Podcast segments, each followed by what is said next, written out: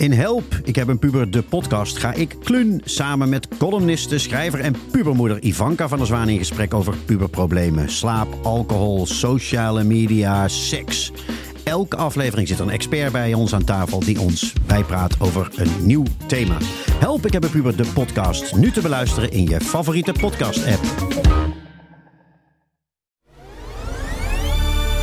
Kortie Media. Je luistert naar Lust. Mijn naam is Jacqueline van Lieshout, 49 jaar en na een relatie van 14 jaar alweer een tijd vrijgezel. In deze nieuwe fase van mijn leven ben ik actief op het datingpad en verrassend genoeg met een grote voorkeur voor jongere mannen. Dat is natuurlijk erg spannend, leuk en lekker, maar voorbij alle dateplezier loop ik onbedoeld ook tegen allerlei vraagstukken aan over vrouwelijke seksualiteit en relatievormen. Deze bespreek ik elke week samen met bijvoorbeeld een intimiteitscoach, relatietherapeut, ervaringsdeskundige en nog veel meer. Deze weken is mijn co-host Nienke Nijman. Nienke was eerder te gast in Lust en gaat mij de komende afleveringen bijstaan bij het ondervragen van experts en ervaringsdeskundigen. Dat levert uiteraard weer interessante inzichten en gesprekken op. Of je nu vrijgezel bent, in een relatie of ergens daartussenin, deze podcast is voor iedereen die zichzelf lust gunt. Zo, lieve Nienke, hoe was jouw week? Nou, lieve Jacqueline, uh, mijn week was eigenlijk wel heel leuk. Ik heb uh, heel veel leuke werkdingen gedaan. En eigenlijk een beetje één thema overkoepelend, waar ik eigenlijk continu weer achter kwam, was: um, ik ben, uh, nou ja, ik heb mijn relatie verbroken. En ik dacht altijd, mijn relatie, daar maak ik echt wel heel veel keuzes voor mezelf in. En ik doe wat ik, um, wat ik nodig heb. En ik kom er dus, zoals afgelopen week, waarin er gewoon heel veel leuke dingen zijn, heel veel leuke mensen, werkgerelateerd dus op mijn pad komen. Denk, jeetje, maar ik heb dus nu een gevoel van vrijheid en keuzes die ik kan maken. Wat je niet had in de relatie. Nou, dat is dus een beetje het gek, want ik heb dus altijd gedacht dat ik die vrijheid absoluut wel had. Uh, en ik denk ook dat ik die vrijheid had, maar ik deed het niet. En dat is, een, dit is misschien ook een beetje tegenstrijdig, want wij hadden binnen onze relatie heel veel ruimte voor vrijheden. Dus daarin heb ik me in principe nooit beperkt hoeven voelen. Ja. Maar dus in hoeverre leg Seksuele vrijheden. Uh, ja, onder ja. andere. Um, maar ook gewoon in het ondernemen van dingen. En dat je je dan dus ineens realiseert van ja, jeetje, maar je bent je dus toch voortdurend aan het aanpassen. Zelfs al krijg je die vrijheid en die ruimte. Ja, maar aanpassen in negatieve zin. Of, of toch compromis sluiten die je vervelend nou, hebt gevonden? Nee, niet zozeer compromissen sluiten, maar wel dus inderdaad dat je dus op, op hele kleine schaal dus keuzes maakt die ik nu anders maak dan dat ik in, in, in die tien jaar tijd heb gedaan. Oké. Okay. En dat vond ik heel bijzonder. Maar zelfs als het dus om werkdingen gaat, dat het daar overal dus al in doorwerkt. Bizar. Ja. En hoe was jouw week? Nou, ik had natuurlijk vorige week verteld dat ik uh, onder, uh, ik wou zeggen, curatele sta. Mm -hmm. nou, dat komt ongeveer op hetzelfde neer. Ja, ja ik, mijn vrouwelijke kant begint zich heel sterk te ontwikkelen.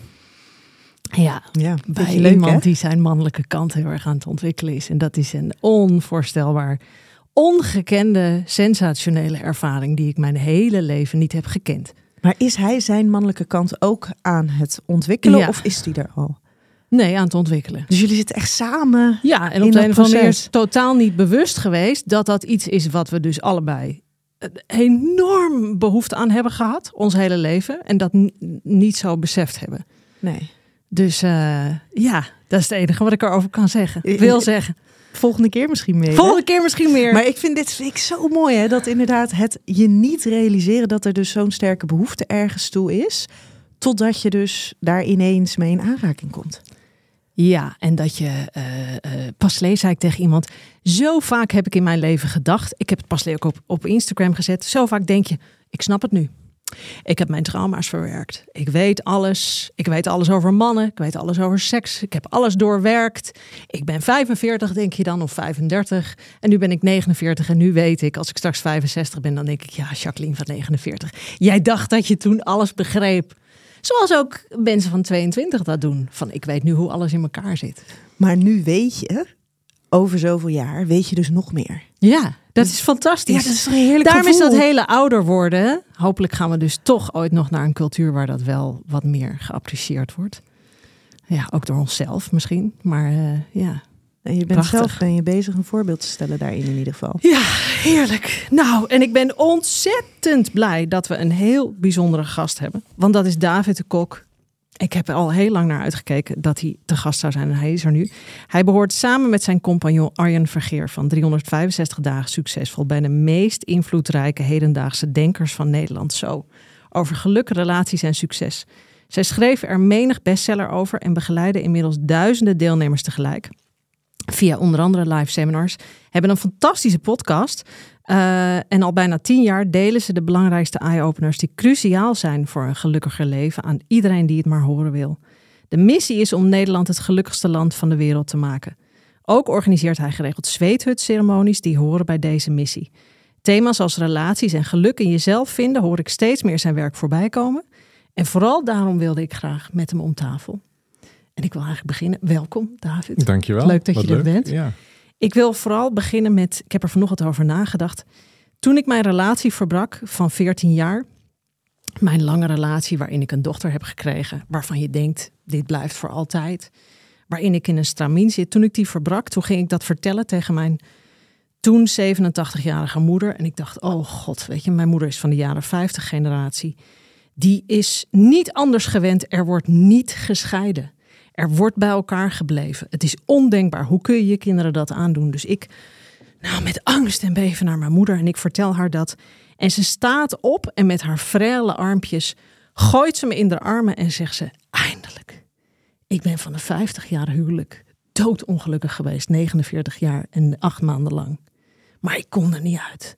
En jij doet het wel en ik ben zo trots. En dat was nou, alsof mijn hele moederlijn achter ons pats, pats, pats, alsof alle lampen aangingen. Het was zo'n mooi, fantastisch moment. En vanochtend dacht ik eraan, omdat ik natuurlijk wist dat je kwam. En toen dacht ik, die generatie, en ik chargeer, die generatie had gewoon een script. Dit is wat we gaan doen. De vrouw speelt deze rol, de man speelt deze rol. En we gaan dit 50, 60 jaar lang met elkaar doen. We gaan niet doen aan persoonlijke ontwikkeling. We gaan geen vragen stellen. We gaan dit gewoon uitzitten op hele nare manier.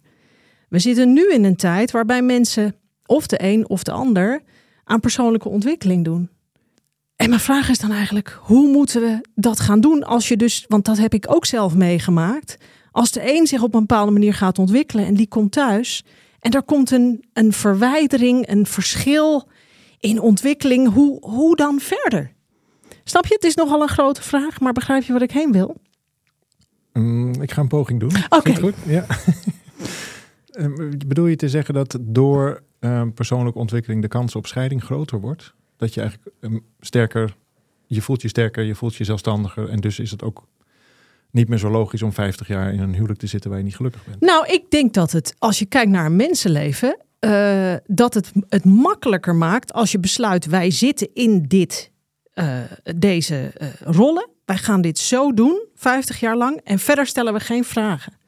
Op het moment dat je die vragen wel gaat stellen, je gaat met jezelf aan de slag. Vorige week hadden we een gast, die zei, dat is ook een, zeg maar een transformerende coach, die zei tegen mij, mensen komen voor een sixpack en gaan weg met een scheiding. Snap je? Veel vrouwen komen binnen en zeggen, ik moet fitter worden. Mhm.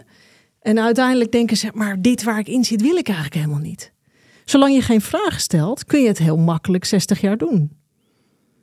Wat wanneer je wel persoonlijke ontwikkeling gaat doen? Wat, wat, ik bedoel, jullie hebben zoveel mensen opgeleid. Wat, wat heb je daar van dit soort dingen teruggezien? Ja, ik kan me wel voorstellen dat dat, ehm, dat, dat een bijeffect is. Ehm, ik, weet, ik weet alleen niet of dat.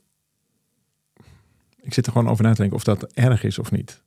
Ik ben namelijk zelf nogal een voorstander van niet scheiden. Ehm, Waarom? ja, daar zat ik dus ook even met mijn gedachten. Ik dacht, dit wordt natuurlijk meteen heel ingewikkeld. Ehm, nou, het, het grote nadeel van zeg maar, de traditionele oude, zou ik haast willen zeggen. Het is, het is nog niet zo heel oud, maar laten we zeggen de afgelopen tien jaar van persoonlijke ontwikkeling is een ego-versterkend principe. Dus mensen krijgen ehm, veel meer door dat er meer in ze zit. Eh, ze kunnen zelf iets bereiken, ze kunnen zelf iets voorstellen. Mijn allereerste boek heette ook Succes door eigen creatie. Dus wat Ja, jij Ik, kunt ik. doen. Ja, en dat is een focus op het ik. daar is verder helemaal niks mis mee. Want als je niet in eerste instantie focust op het ik, dan heb je helemaal niet eens het idee dat je überhaupt zelf iets te vertellen hebt. Dus Mhm. dat is natuurlijk waar jij op doelde met, nou ja, het ging nou eenmaal zo, dat is het script wat er al lag en daar heb je naar te voegen. Dat leidt ook niet tot geluk. Vervolgens heb ik een soort, ja, misschien is het ook wel in de contramine, ik weet het niet, maar ehm, nogal een reis achter de rug met, er, er zit gewoon meer in. En dat was in mijn geval ook wel nodig, omdat ik A, vroeg de kerk verliet en daarna B, vroeg school verliet. Dus ik was ook vrij op mezelf aange- aangewezen. Mhm. En dat bleek eigenlijk verdacht goed te lukken. Later had ik best wel veel van de mensen waarmee ik studeerde gewoon bij mij in dienst. dacht ik, oh, dat is eigenlijk wel wonderlijk hoe dat dan... eh, hoe dat, ik ben er in ieder geval niet slechter van geworden. Dus het hele idee dat je, dat, dat je er zelf iets van kunt maken... is natuurlijk ook een enorme bevrijding. Echter, je introduceerde dat al. Onze missie was lang om van Nederland het gelukkigste land van de wereld te maken. Ja. En ik had nou niet het idee dat die mensen op een diep niveau gelukkiger werden. Ja. Je wordt niet veel gelukkiger van vervolgens scheiding. Je komt er vooral achter dat het in de volgende relatie meestal ook niet heel veel beter wordt. Dus het, het is maar de vraag of je uiteindelijk je les leert. En ehm, dat moet iedereen natuurlijk verder zelf weten. Alleen ik werd er vooral niet gelukkiger van. Mhm. Dus van dat idee van persoonlijke ontwikkeling is eigenlijk een zelfversterkend, dus zou je kunnen zeggen een ego-versterkend principe. Ehm, nou, toen waren er een aantal eh, gebeurtenissen in, in onze levens. En toen zijn we eens opnieuw gaan nadenken over dat concept. En dat, dat, zorgde, ja, dat heeft er wel voor gezorgd dat ik een iets ander idee heb over. Nou, laten we het anders eh, formuleren. If you lose, don't lose the lesson. En dus, dus ga, niet, ga niet op zoek naar een vervangingsvraag. Mhm. Maar en waar is het beter? Maar kijk, wat wilde het mij leren? En dan kan het ook zo zijn dat je besluit om wel uit elkaar te gaan. Het is ook zeker niet eh, dat, het dan, dat je altijd maar bij elkaar moet blijven. Daar gaat het helemaal niet over. Maar er zitten vaak meer interessante lessen in het samen uitzoeken dan het uit elkaar gaan. Ja, nou ja, daar heb ik ook een aantal jaar voor genomen. Voordat ik de beslissing nam om wel uit elkaar te gaan. Ja, Ja. en Ja. daar nu dus echt heel gelukkig iedere dag al mee zijn, bijna twee jaar. Dat is dan wel fijn. Klinkt dat onwaarschijnlijk? Nee hoor, helemaal niet. Nee, ik ga niet over of jij wel of niet gelukkig bent. Als jij je gelukkig ervaart, dan is dat zo. En dat, dat is prachtig. Je vroeg me een, een, een, stelde een vraag in algemene zin. En Ja, in algemene zin denk ik dat het, het, het bijeffect van persoonlijke ontwikkeling een niet zo'n positief effect is. En het hoofdeffect is natuurlijk een uitstekend effect. Maar het bijeffect, daar moeten we af en toe ook even naar kijken. En dat is nu, het, nou ja, laten we zeggen, het tweede deel, of in ieder geval het volgende deel van mijn ehm, aandachtsgebied, is, is dit. En, en, dat is, eh, en ik heb van dat bijeffect het hoofdeffect gemaakt. ja, En het gaat bij mij ook dus niet meer over of ik wel of niet gelukkig ben, maar het gaat over of ik wel of niet in vrede ben. En dat is iets heel anders. En het is wel zo als je in vrede bent, dat je daar heel veel geluk omheen kunt ervaren. Eh, alleen ik ervaar ehm, in geluk, maar misschien bedoelen we hetzelfde, is het maar een woord, Mhm. hè, maar dat kun jij checken. Maar ik ervaar in geluk een bepaalde tijdelijkheid. Het gevoel van extase kan niet permanent zijn. Dus dan gaat het op een gegeven moment gaat het weer weg en dan komt het weer terug. En dan moet het weer opnieuw opgewekt worden. En daar heb ik veel tijd eh, aan besteed. En nou ja, uiteindelijk ontdekt dat ik daar persoonlijk in ieder geval niet zo gelukkig van word. Af en toe wel even, maar het heeft geen blijvend effect. De staat van vrede daarentegen is super blijvend. Dus wat er ook maar gebeurt. De staat van vrede is een interne aangelegenheid. En zodra ik me ook laat, ehm, laat afleiden, dan weet ik, oh wacht even, ik heb eerst zelf iets te doen. Ik heb eerst in, in die, die staat van vrede weer te herstellen. En dat heeft dus niks met mijn omgeving te maken. Dat is mijn aangelegenheid en ook alleen maar mijn aangelegenheid. Ik denk dat ik daar een leuker mens van ben geworden. En ik denk dat het ehm, mijn relatie nogal ten goede is gekomen. Want daar is het natuurlijk het moeilijkste, begrijp je. ja, Maar jullie zitten natuurlijk wel in een relatie. En, en door het werk wat, wat jij doet, het werk wat je vrouw doet, dat daar die ruimte ook voor is. Ehm, ik heb namelijk toevallig best wel wat ehm, mensen eh, ook in behandeling gehad, waarbij juist de, de focus op persoonlijke ontwikkeling bij één van beiden ervoor zorgde dat de discrepantie tussen twee zo groot werd. Of dat door de ontwikkeling van de een er eigenlijk zoveel weerstand ontstond bij de ander. ja, dat herken ik. Dat dat dus echt gewoon eh, op den duur ook niet meer, daar viel de verbinding dus ook niet meer te vinden. En dat is, hè, als je samen kan ontwikkelen en samen dus af en toe ook even heel bewust kan zeggen, ook, maar jij gaat nu even dit pad bewandelen en dat is oké en ik ben er voor jou. En um, als je, hè, als je, je komt vanzelf wel weer terug of je geeft op een gegeven moment over aan van, oh ja, maar ik heb weer eventjes um, ruimte voor ons in plaats van het, bijvoorbeeld het herstellen van, van die innerlijke vrede. En dat is super mooi.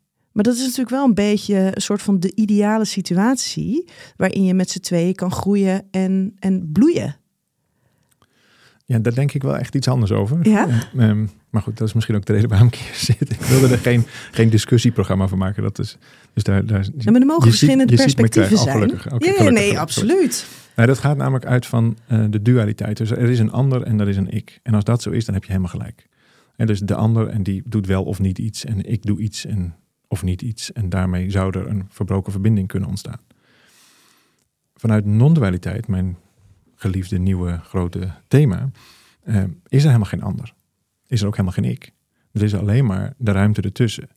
Dus je kunt wel zeggen, um, ik heb nu geen relatie meer. Moet je je voorstellen dat ik bij Emanuela weg zou gaan. Ja. De liefde van mijn leven en, en onze relatie zou ik niet redden. Dan heb ik nog steeds een relatie met haar, alleen in een andere vorm. Ja. Dus we, we doen heel vaak, dan, het is dan voorbij. Het is helemaal niet voorbij. Je hebt alleen de vorm veranderd, maar die relatie is echt voor eeuwig. Nou, daar zit al een mega grote les in. Je kunt er niet meer uit. Sterker nog, ik wil er dus ook helemaal niet uit, want ik wil namelijk iets wat niet kan. Ik wil niet iets wat niet kan, dat moet ik goed zeggen. Ja, maar je, je wil dan uit die eerste vorm. Als ik kijk naar mijn ex, dan zijn wij geen liefdespartners meer, maar ja. wij blijven altijd ouders. We blijven altijd aan elkaar verbonden. We zijn 14 jaar met elkaar geweest. Ja. Dat is wat je bedoelt, toch? alleen, zin... jij, alleen jij hebt de beslissing gemaakt, net zo goed als dat ik dat heb gemaakt, om dus wel om de vorm uit, te veranderen. In ieder geval uit de romantische liefdesrelatie te stappen. Ja, ja. Je hebt de vorm aangepast, maar je bent niet uit de relatie. Nee. En, en dat maakte voor mij heel veel uit. Ik heb 16 jaar gedaan over mijn eerste scheiding. Daar ben ik 16 jaar van in een, in een soort van rouw geweest. En, een, uh, en dat, dat, dat, dat leek op een gevecht. Totdat ik op een gegeven moment in mijn huidige uh, relatie in, in relatietherapie was. Wat we overigens nog steeds doen, kan het iedereen aanraden. Bij ons is dat dan meer leertherapie, maar dat maakt verder niet uit. En we zaten daar en ineens viel bij mij het kwartje. Oh, wacht even, ik heb gewoon van haar gehouden. Als ik helemaal, als ik, als ik eerlijk word, als ik reëel word over wat daar is en is geweest, dan is dat liefde geweest. Zo heeft het er niet uitgezien. En zeker niet de laatste 16 jaar. Het was alles behalve. Maar het is wel liefde. En het is een, zeg maar, mijn reactie was een beschermingsreactie op mijn pijn. Maar als ik dieper, als ik voorbij de pijn kwam, voorbij mijn eigen oordeel kwam, oordeel over haar, oordeel over mezelf, oordeel over de omgang met ons kind, oordeel over van alles en nog wat. Toen, en ik schrok daar gewoon van. Zo, ik schrok dusdanig dat er ook zoveel tranen kwamen, dat ik ook even niet kon stoppen. Mm -hmm. En dat was prachtig. Sinds die dag is al het gedoe voorbij. Nooit meer gedoe geweest. Niet met ons kind, niet onderling. Het is, het is gewoon helemaal rustig. En ik voelde dus voor het eerst weer vrede. Al die tijd was ik eigenlijk niet in vrede. Alles wat ik doe om die niet-vrede te compenseren, dat zag je in mijn gedrag. Nou, dat is wat je krijgt vanuit de dualiteit. Er is een ander, er is ik. Um, ik had natuurlijk het verlangen, een verwachting dat we elkaar gelukkig zouden maken. Ik was natuurlijk ook ongelooflijk jong, tikkie naïef. En ik dacht van ja, wij, wij, kunnen dit wel redden. Ik zal jou redden, jij zal mij redden. Mm -hmm. Nee, dat was natuurlijk allemaal niet zo heel handig. En er zat een verwachting op. Nou, wat ik feitelijk heb gedaan, is, is in die vergevingssessie, is die verwachting losgelaten. Van wie was die verwachting? Van haar? Nee, die was van mij. Dus ik werd reëel over mijn eigen verwachting. Alleen wat ik nooit had verwacht, is dat er liefde voor terugkwam. En dit was echt iemand die stond, nou ja, ik, af en toe heb je van die, van die lijstjes waarbij je het niet erg zou vinden als iemand iets zou overkomen. En, en zo, zo erg was dat. Ik dacht gewoon, mijn leven zou echt, echt makkelijker zijn als jij er gewoon niet meer bent. Ja. En dat is helemaal weg. Zou, zou jouw huidige relatie hetzelfde zijn als jij die ervaring niet had gehad? Want dat is nogal een les die je daaruit haalt. Nou, het, het, antwoord is natuurlijk ja, omdat ik ben geworden wie ik ben door alles wat je hebt meegemaakt. Dus je kunt dat niet ontkennen. Mijn huidige relatie is wel heel veel beter geworden. Doordat ik me besefte dat die, die compensatiestrategie, en daarom zei ik al, je hoeft soms niet van relatie te, of van persoon te wisselen, om wel van relatie te wisselen. En dus, dus onze relatie is daar echt duizend keer beter van geworden. Toen ik namelijk durfde te voelen, oeh, ik was eigenlijk bang geworden voor de liefde. Ik was, was teleurgesteld in de liefde en dus in de toekomst bang geworden. daarvoor. Want er hing een script aan. Het Ja, moet natuurlijk. op een bepaalde manier zijn. Nou, en, en het hing, er hing een verdedigingsmechanisme aan. Ja, dus als ik werkelijk van iemand hou aan wie ik mijn hart geef, dan wordt erop getrapt. Of als ik werkelijk van iemand hou waar ik bepaalde verwachtingen en verlangens bij heb, dan gaat dat niet goed. Dus denkt mijn onbewuste, pas op, pas op, pas op. Nou, Emanuela is echt mijn allergrote eh, liefste. Dat is helemaal fantastisch. Mhm. En toch slopen daar diezelfde soort angstpatronen in. En dus het is eigenlijk in het leven heel simpel. Het is of liefde of het is angst. Nou, ga nog maar eens kijken.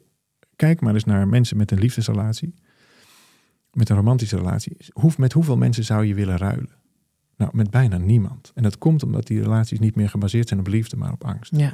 En het kan al zijn angst dat je bij me weggaat, of angst dat ik niet goed genoeg ben, of niet mooi genoeg ben, Alleen of dit te niet zijn. heb, of dat. Alleen te zijn, zeker, Mhm. dat is misschien wel de nummer één. ja. En die herkende ik natuurlijk ook bij mezelf. En dat is uiteindelijk in de diepte allemaal angst voor de liefde. En daarom denk ik werkelijk dat de meeste mensen in eerste instantie beter af zijn door hun commitment serieuzer te nemen in plaats van de commitment, het commitment inwisselbaar te maken. En, en dat maakt deze tijd niet per se een makkelijke tijd voor diepgang in relaties, omdat die inwisselbaarheid veel groter is geworden. Denk je dan ook dat de drang die.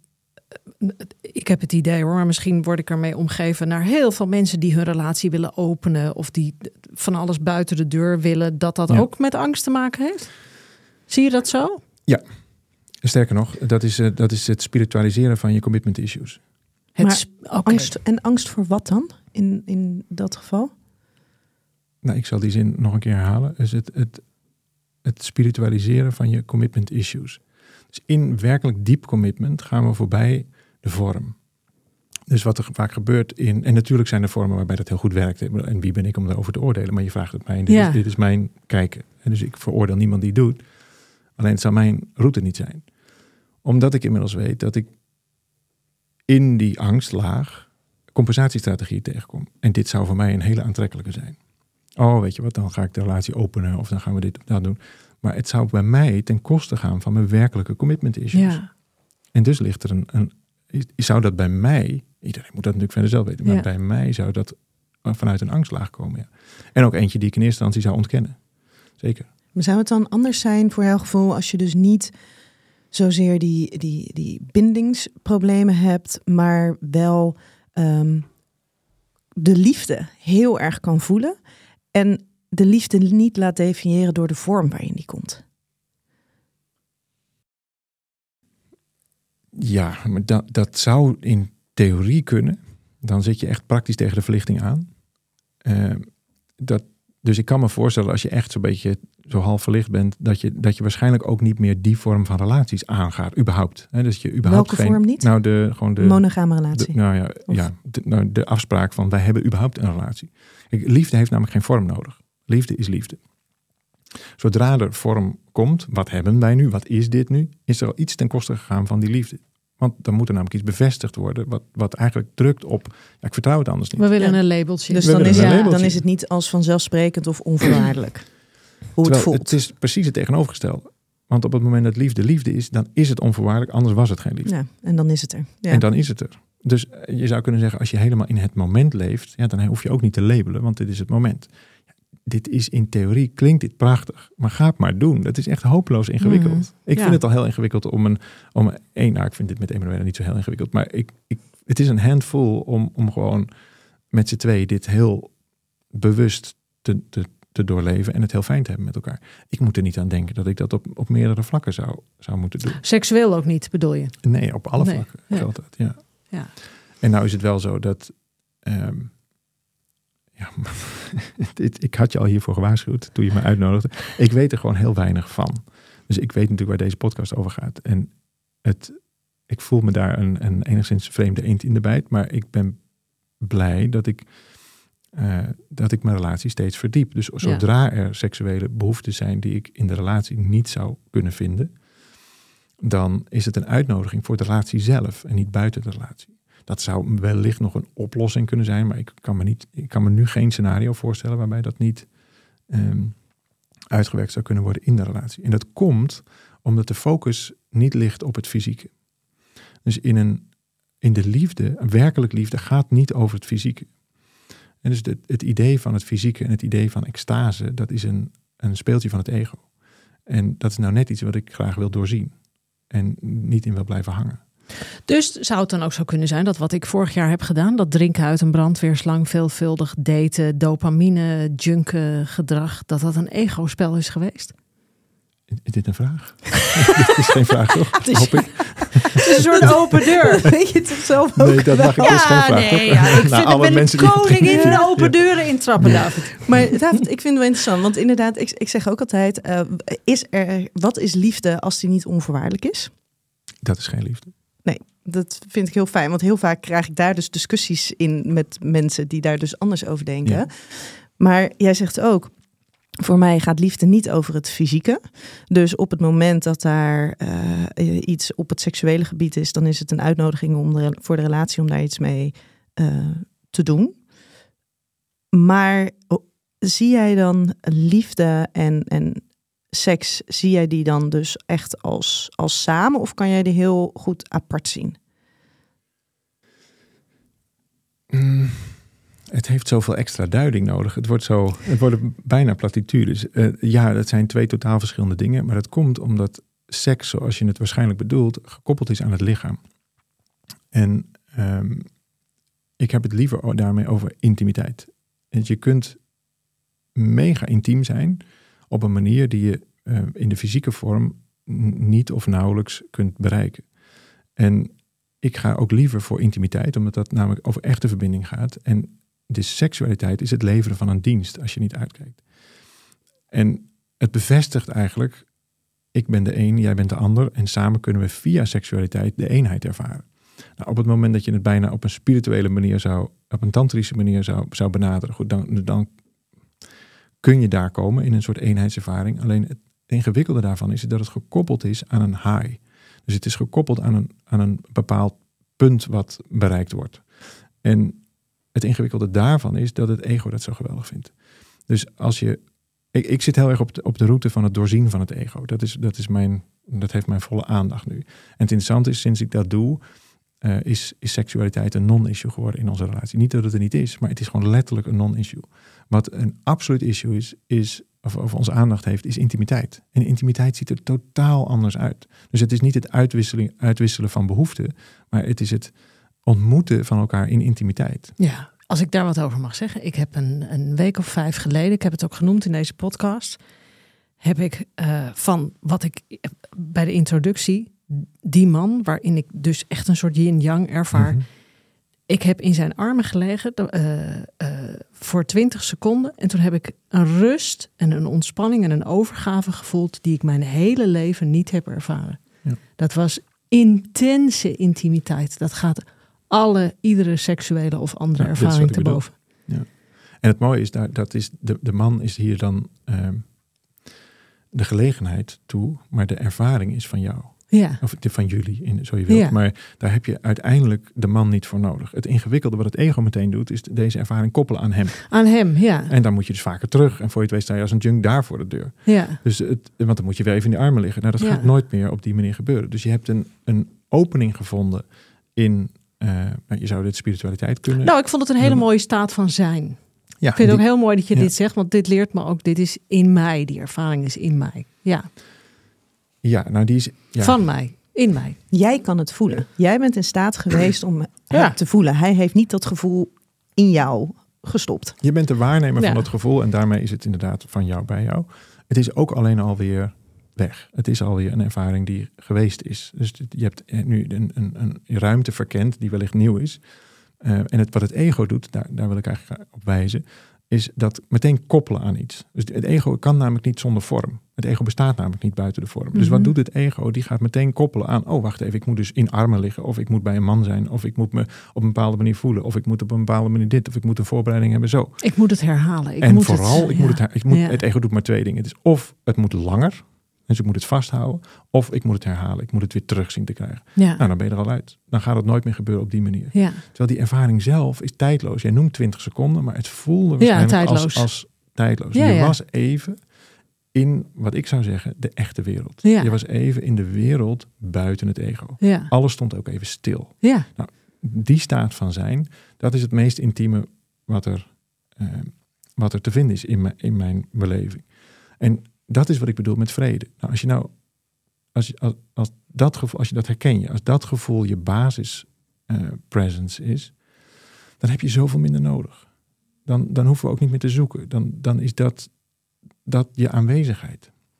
En of dat dan 20 seconden is of een heel leven lang, dat, dat is het feitelijk.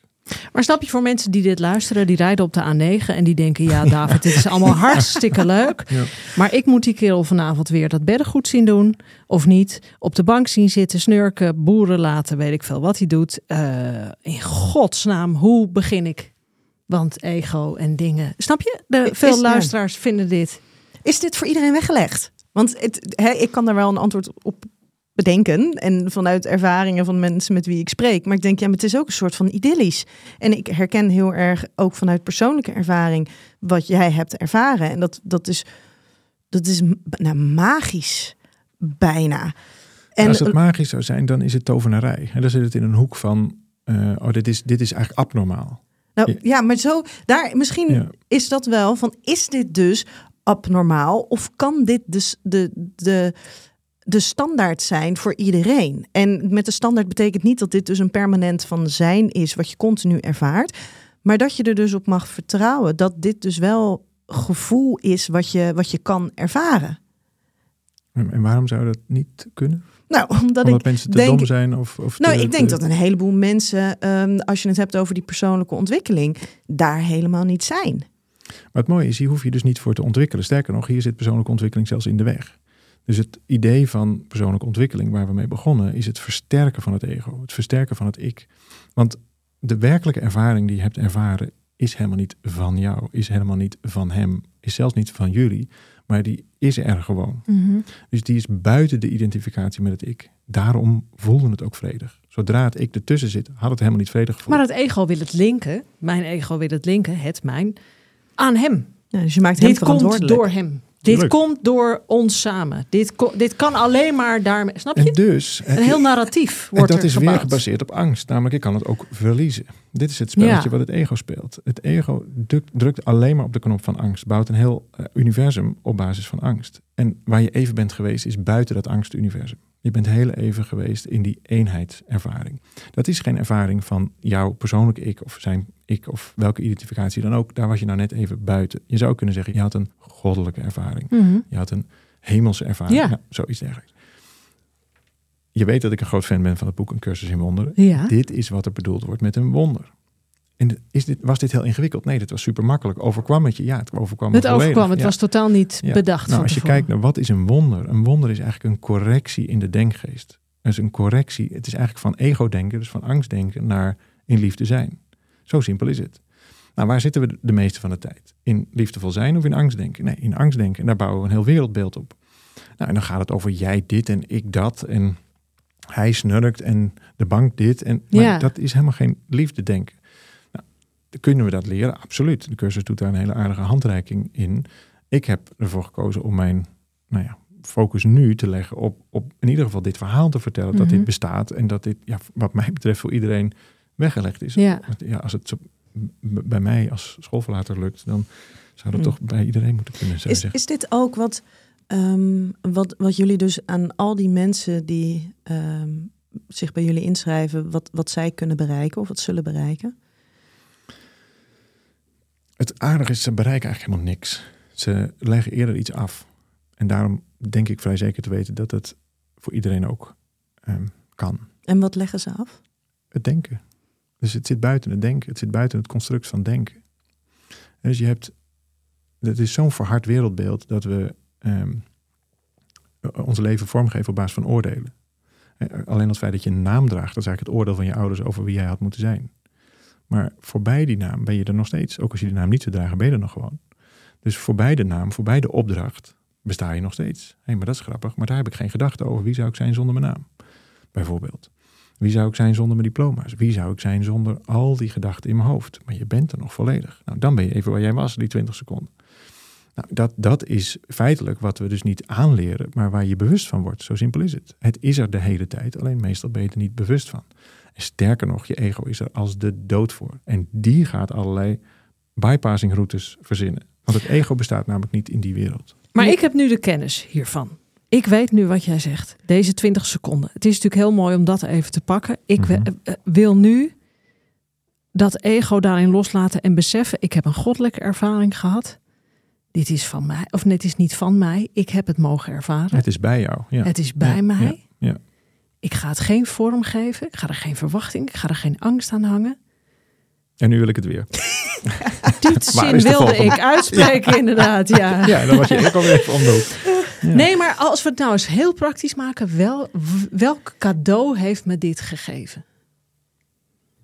Ik zit gewoon hardop te denken. Welk cadeau heeft me dit gegeven? Dit cadeau heeft me gegeven, of dit heeft me laten zien. Die ervaring zit in mij. Ik heb daar niemand voor nodig. Hij is daar toevallig bij geweest. Kunnen we het zo zeggen? Nee, dit is namelijk precies de les. Help me, David.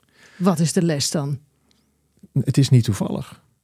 Dus je hebt deze vredeservaring gehad om een reden. Hè, Dus wat wij vaak zeggen is alles heeft, alles is betekenisvol, zo zou je Ja. kunnen zeggen. Alles is betekenisvol. En is enorm behulpzaam.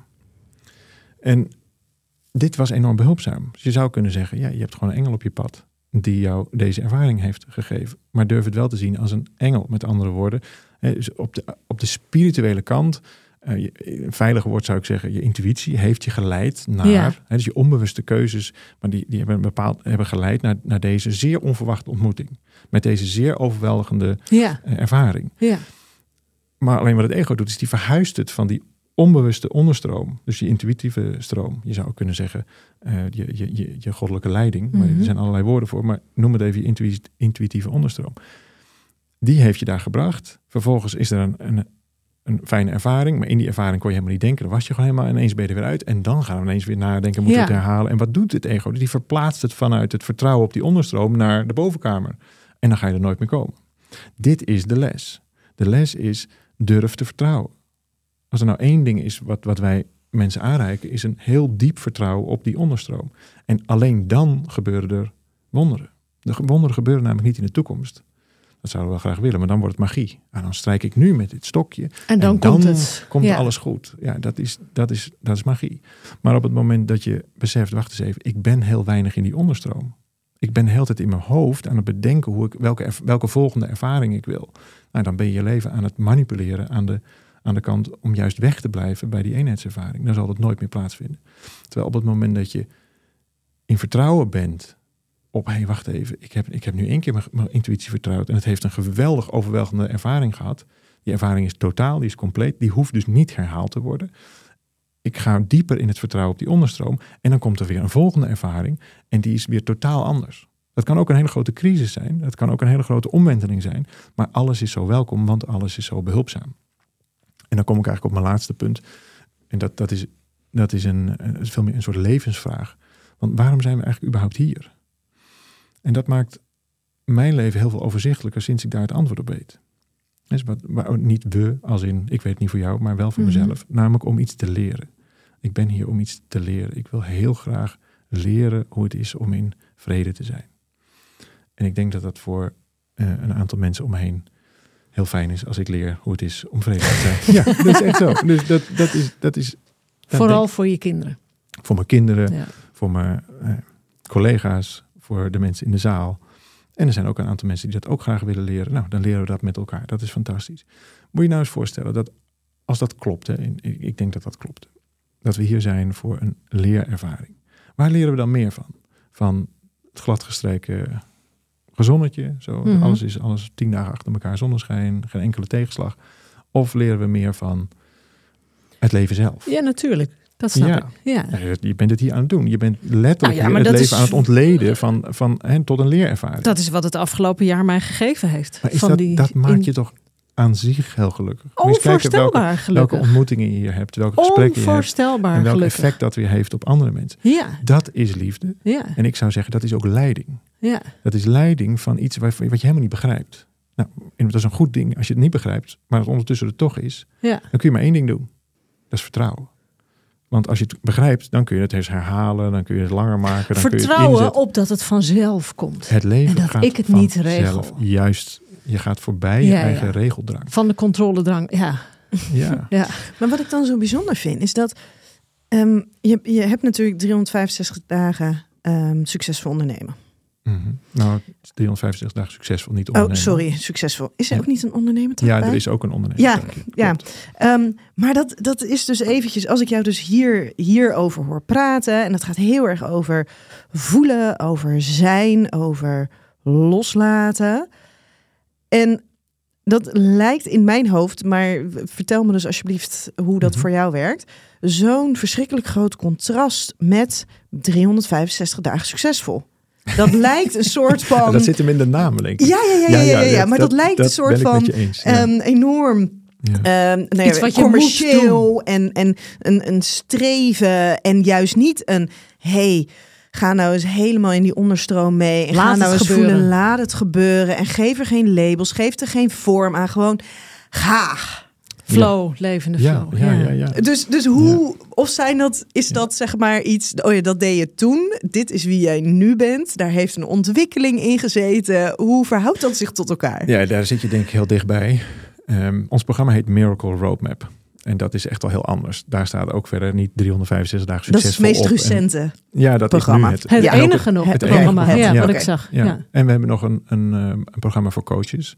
Hoe je vanuit dit denken een, een volle praktijk kunt organiseren. Kijk, het is niet zo, je opent je deuren en eh, iedereen meldt zich de hele tijd maar gewoon aan.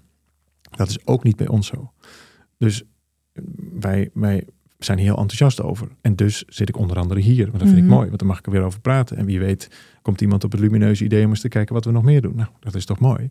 Dus, maar dat is wel allemaal op basis van uitnodiging. Het is niet zo dat ik...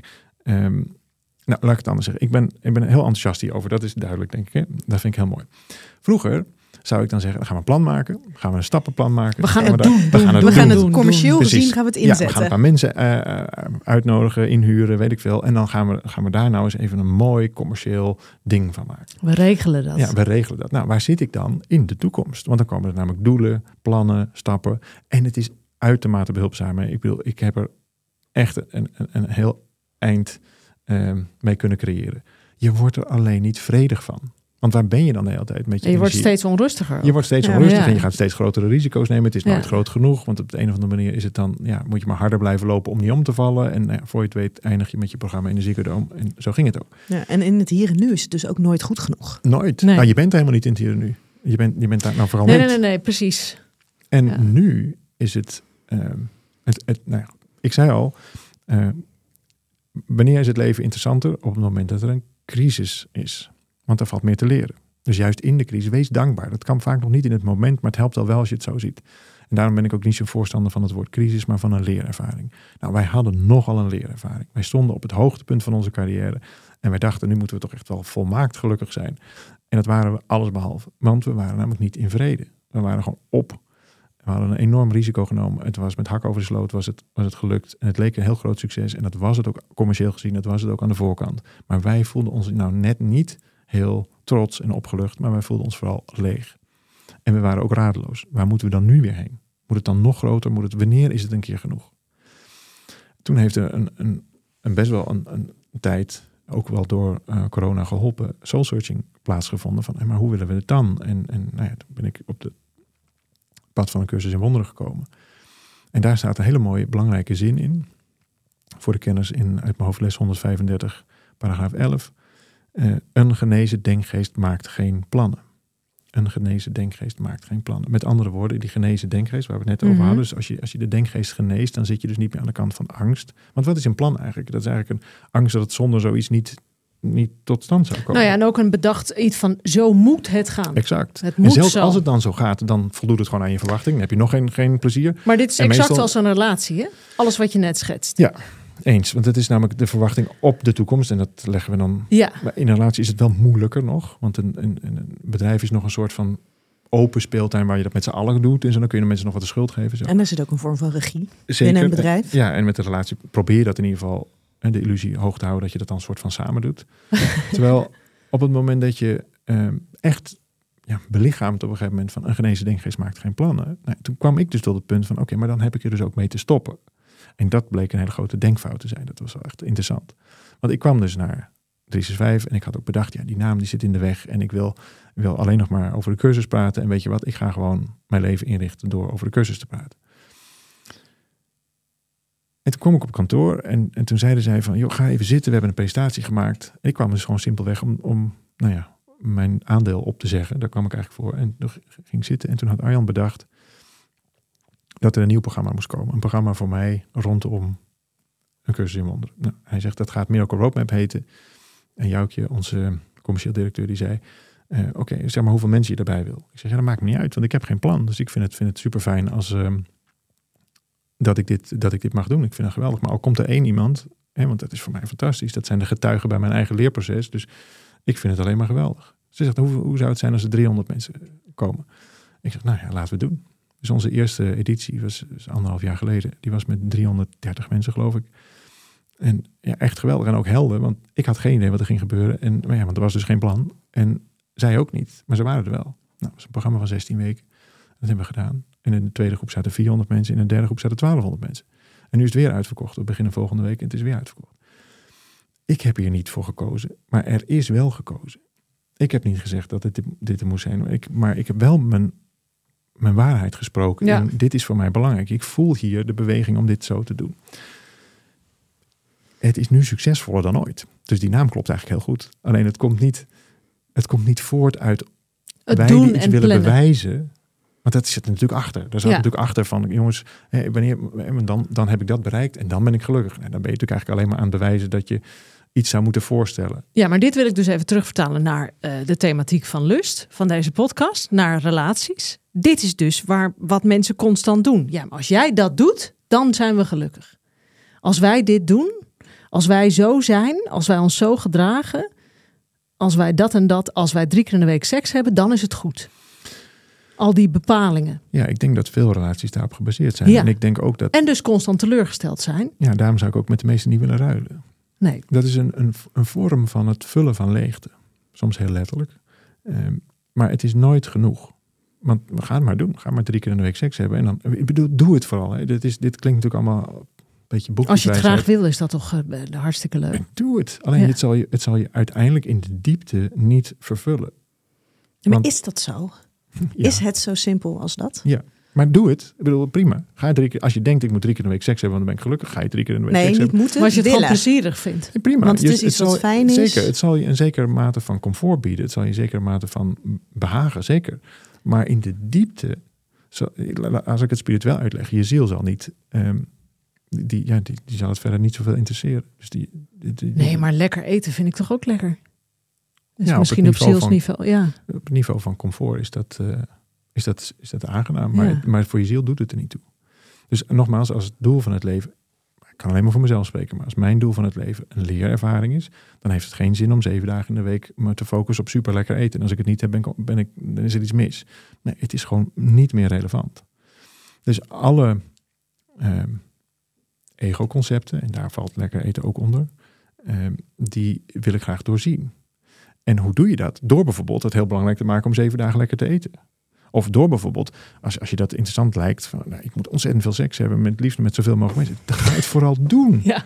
En dan kom je er namelijk, het is maar één manier om erachter te komen, namelijk die ervaring te hebben. ja, maar dat is wat voor mij zo heerlijk aan het afgelopen jaar. Dat ik dat, dat het alles vervaagt en niets, nou, niets waard is, is te sterk gesteld.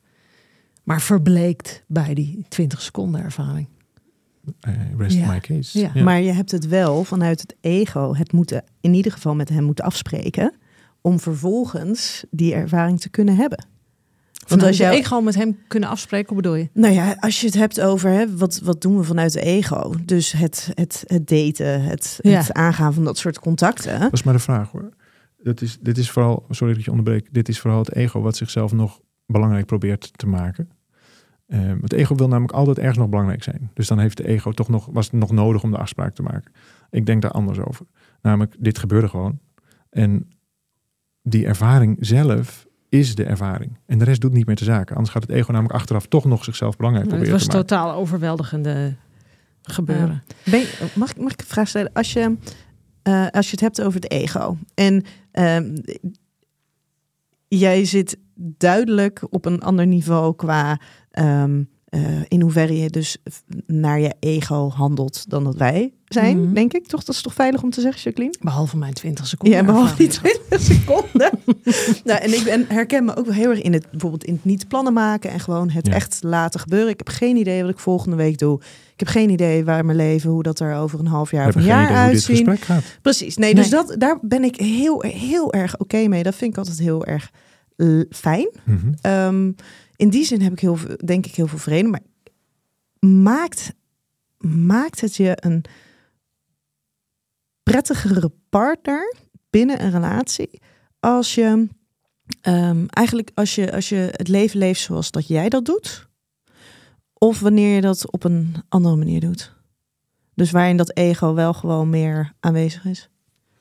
En dat is, ook een, is dat ook een vraag? Ja, dat is een vraag. Nee, dat is, nee, maar dat is wel oprecht een vraag. Wat Nee, is jouw ervaring? Nou, kijk, het ego gaat, ga- is gebaseerd op angst. Dus- En, en elke gedachte die wij produceren die zelfstandig is, die is eigenlijk gebaseerd op een oordeel. En een oordeel is standaard gebaseerd op angst.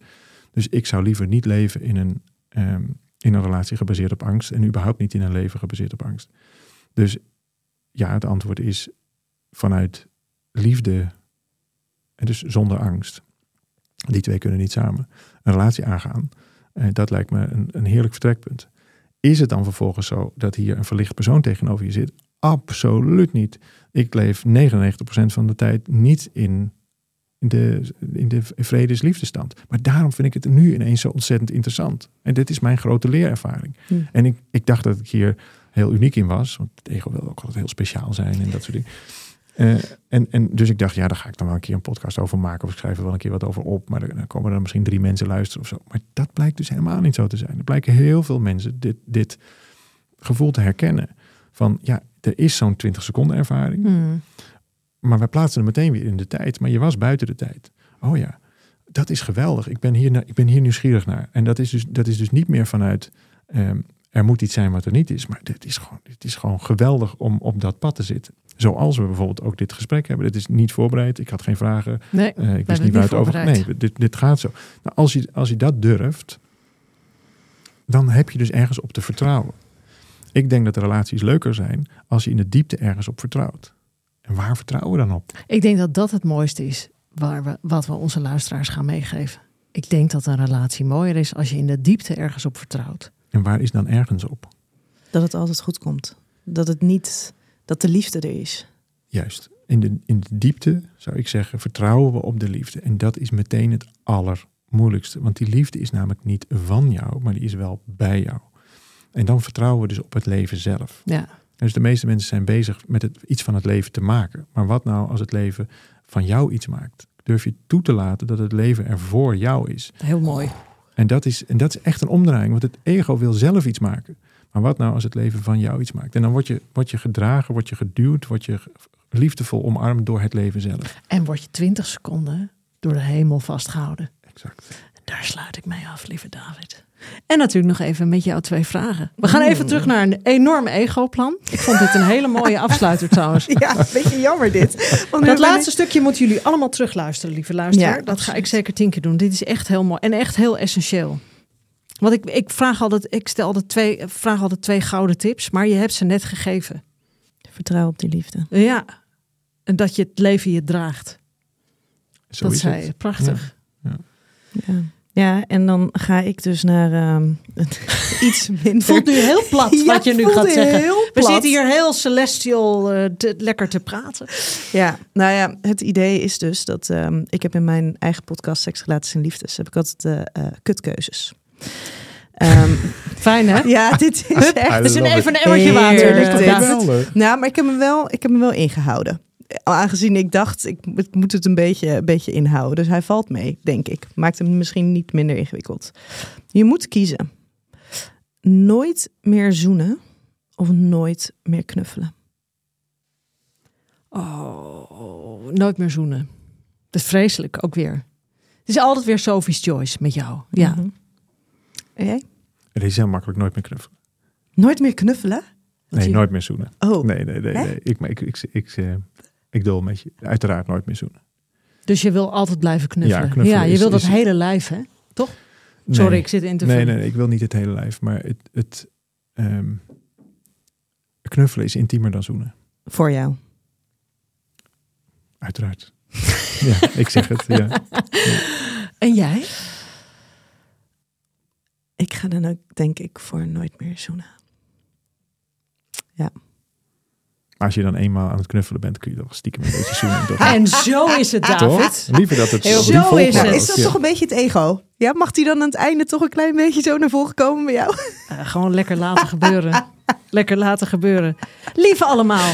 Ik weet zeker dat jullie er allemaal heel veel van opgestoken hebben. Dankjewel, lieve David, dat je hier was. Heel graag gedaan. Dankjewel, Nienke. Nou, dank jullie wel. En allemaal veel plezier de komende week. Maak er wat van. Laat het gebeuren. Want het leven is te kort om het niet te doen.